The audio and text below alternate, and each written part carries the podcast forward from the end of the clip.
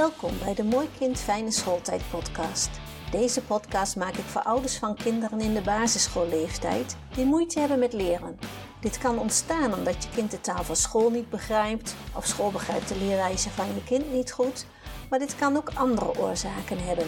Wil je als ouders voorkomen dat je kind vastloopt of het zelfvertrouwen verliest? Ga je bij de eerste signalen gelijk op zoek naar begeleiding omdat je denkt in mogelijkheden? Dan is deze podcast gemaakt voor jullie. Want ik weet dat er nog heel veel mogelijkheden zijn voor je kind. Met deze podcast help ik jullie graag bij jullie zoektocht naar de beste ondersteuning. Deze keer een podcast met wat tips uit de vorige podcast, waar je op kan letten als het leren of het gedrag niet lukt. We zijn denk ik allemaal gewend om op een bepaalde manier naar problemen te kijken. Of je kan ook zeggen de uitdagingen. En als je geen bijscholing zou volgen, of zelf op zoek gaat naar informatie, dan blijven we steeds dezelfde oplossingen proberen. Het lijkt mij juist leuk om op en uit te zoeken waarom iets na meer oefenen bijvoorbeeld niet lukt. En wat zouden we dan in kunnen zetten zodat het wel lukt? Allereerst hebben we daar de reflexen, die een behoorlijke stoorzender kunnen zijn en het kan gevolgen hebben die ik zelf ook niet had verwacht. Zoals moeite met concentratie of stil kunnen zitten. We kunnen dan steeds tegen een kind of een volwassene zeggen: Joh, zit nou eens stil. Maar dit lukt echt niet. Met het hoofd weet iemand dan wel dat ze stil moeten zitten, maar eigenlijk worden ze aangezet door deze nog niet geïntegreerde reflex of meerdere reflexen tegelijk. Door te observeren kom je er vaak al achter dat er iets iedere keer gebeurt waar een kind of volwassene geen vat op heeft. Over het algemeen wil ieder kind goed luisteren. En als dit steeds niet lukt, dan gaat er hopelijk bij iemand een belletje rinkelen. Als de reflexen niet goed uitontwikkeld zijn, dan heeft dit ook zijn invloed op de visuele waarneming. Met visuele waarneming bedoelen we het vermogen om informatie te interpreteren die je ogen ontvangen. Het resultaat van het interpreteren, zeg maar, het uitleggen en ontvangen door de hersenen van deze informatie, dit noemen we visuele waarneming. Visuele waarneming is een proces dat begint in onze ogen. Voor het lezen is het belangrijk dat je ogen scherp zien. Dit scherp zien kan onderzocht worden door een schoolarts, een oogarts of een opticien. Men gaat ervan uit dat als de scherpte goed is, dat je dan niet gehinderd kan worden door visuele problemen. Dus als het lezen na deze controle nog steeds niet lukt, begrijpt men vaak niet, want de scherpte is getest en ze hebben gezegd dat dit goed was. Maar zien is eigenlijk veel meer dan scherp kunnen kijken alleen. De verwerking en het begrijpen van datgene wat je ziet vindt plaats in onze hersenen. Hoe snel gebeurt dat? Dit wordt ook wel de verwerkingssnelheid genoemd. En hoeveel energie kost het iemand om te zien? Wat is de kwaliteit van de waarneming? Is er genoeg energie over om het een en ander onder woorden te brengen? Allemaal vragen waar je in eerste instantie niet aan denkt als de kinderen gaan leren lezen of al lezen. Ook elk kind is een keer aan rekenen toe. Dit rijp zijn voor rekenen begint ongeveer tussen de 6 jaar en 6 maanden en 8 jaar en 6 maanden. Als je wil weten of je kind in de rekenfase terecht is gekomen, dan kun je eens gaan kijken of je kind van 1 tot en met 10 kan tellen en weer terug. Pas dan kan een kind gaan optellen en aftrekken. Het is nog mooier als kinderen ook nog van links naar rechts tellen. Stel je laat van 1 tot en met 10 tellen en je maakt gebruik van blokjes. Dan is het een goed teken als ze deze blokjes neerleggen van links naar rechts. 1 ligt dan helemaal links en nummer 10 ligt dan helemaal rechts. Als je kind dan terugtelt, dan zou het rechtse blokje aangewezen worden en dan telt het terug van 10 naar 1, terug naar de linkerkant. Dit zou je natuurlijk ook eens kunnen checken door je kind zijn handen op tafel te laten leggen en te vragen om van 1 naar 10 te tellen en daar de vingers bij te gebruiken. Als je niet zegt waar het moet beginnen met tellen, dan kun je dus zien waar het begint, van welke kant het uitwerkt. Ook een leuk testje is te zien in een filmpje op YouTube van Victor Mits. Het filmpje heet De logica van het kinderbrein. Dit noemde ik de vorige keer ook al, maar toen had ik de glazen melk als voorbeeld.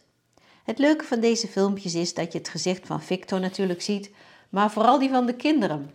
Hoe overtuigd ze zijn en bijna zonder twijfel weten hoe het zit. De kinderen zullen zo rond de 5 à 6 jaar zijn. Deze keer legt Victor 12 kersen neer. De eerste keer legt hij 6 kersen bovenaan en daaronder de andere 6 kersen. Hij legt ze allemaal even ver uit elkaar. Hij vraagt aan een aantal kinderen of er boven en onder evenveel kersen liggen. Vol overtuiging zeggen de kinderen dat er evenveel liggen. Dan legt Victor de onderste rij, terwijl diezelfde kinderen erbij zitten, iets verder uit elkaar dan de bovenste rij. En weer vraagt hij of er evenveel kersen liggen, of misschien meer of minder. Alle kinderen zeggen dat er bij de onderste rij meer kersen liggen. Zou een kind nu gezegd hebben dat er evenveel liggen, dan zit het in de omkeerbaarheidsfase. Een kind zou bijvoorbeeld door te tellen erachter komen dat er evenveel kersen zijn. Kinderen zitten dan bijna in de rekenfase. Als een kind ongeveer vier jaar is, ontstaat de symmetrie en zie je dat kinderen met twee handen tegelijk kunnen tekenen of een spiegeltekening maken.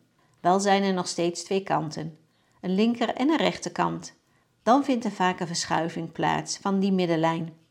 Het kan dat de middenlijn meer naar rechts verschuift. Alle bewegingen gaan dan van rechts naar links. Dit hoeven niet alleen de motorische bewegingen te zijn, maar dit vindt ook plaats in je hersenen. Voor rekenen hebben kinderen ook richtingsontwikkeling nodig. Als kinderen blijven hangen in één richting, dan levert dit op veel gebieden problemen op. Kan een kind op een lege lijn waar alleen 1 links staat en een 10 rechts, de 6 niet goed plaatsen, dan is er onbalans in de linker en de rechter hersenhelft en daardoor richtingsproblematiek. Laten we eens naar de aansturing kijken van ons lichaam. Onze rechterkant wordt door de linker hersenhelft aangestuurd en de linkerkant wordt door de rechter hersenhelft aangestuurd. Ons bewegingsapparaat wordt dus kruislinks aangestuurd. Als onze hersenen optimaal samenwerken, dan kunnen bewegingen vanuit beide lichaamshelften vlot en soepel verlopen. Is dit niet het geval en is het lastig om kruislinkse bewegingen uit te voeren, zoals je rechterhand naar je linkerknie of je linkerhand naar je rechteroor, dan heeft dit ook invloed op het gelijktijdig kunnen bewegen van je ogen. Het is dan bijvoorbeeld lastig om afstanden te ervaren of om invulling te geven aan begrippen als ver, dichtbij, voor en achter.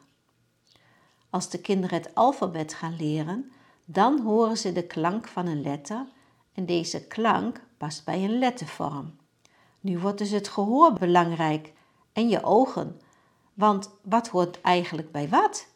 Dus om te kunnen lezen moet je eerst de lettervorm herkennen en dan de bijbehorende klank erbij zoeken.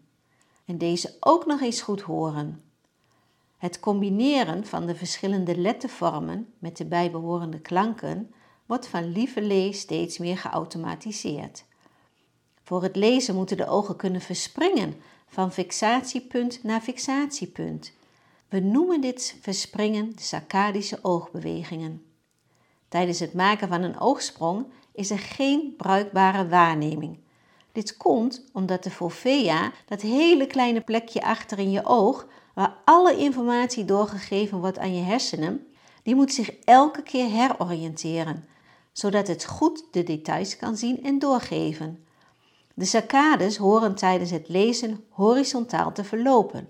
Soms gebeurt het diagonaal door het verkeerd richten van de ogen. Na de saccade, daar gaat het dus om. Een afwijking in het richten daarna kan leiden tot verkeerd scannen en tot leesfouten. Het is dus belangrijk om iets goed te kunnen zien en dat de ogen precies kunnen richten. Dat richten gebeurt bij elk plaatje op je computerscherm en voor elk woord dat je leest. Dit is een hoop werk voor het brein. Kinderen die nu nog slecht lezen, hebben vaak slechte saccades. Ze springen niet efficiënt naar een woord, maar er voorbij, eronder of erboven. De ogen moeten in staat zijn om een bewegend voorwerp soepel en zonder hapering te kunnen volgen, zowel met beide ogen samen als afzonderlijk van elkaar. Bij de oogvolgbeweging hoort ook het scannen van de ogen. Dit is het in alle richtingen soepel kunnen bewegen van de ogen en ondertussen informatie kunnen herkennen en waarnemen. Als dit moeilijkheden oplevert, dan kom je dit tegen bij de leesprestatie. Het lezen gaat langzaam en het kind heeft behoefte aan bijwijzen. Het is daarom belangrijk dat deze kinderen dit gewoon mogen doen. Het perifere zicht is ook belangrijk bij het lezen. Dat is datgene wat waargenomen wordt met de ogen buiten het fixatiepunt om. Als we onze blik op een vast punt fixeren, dan nemen we daaromheen toch ook nog van alles waar. Denk daarbij bijvoorbeeld aan het rijden in het verkeer of met lezen.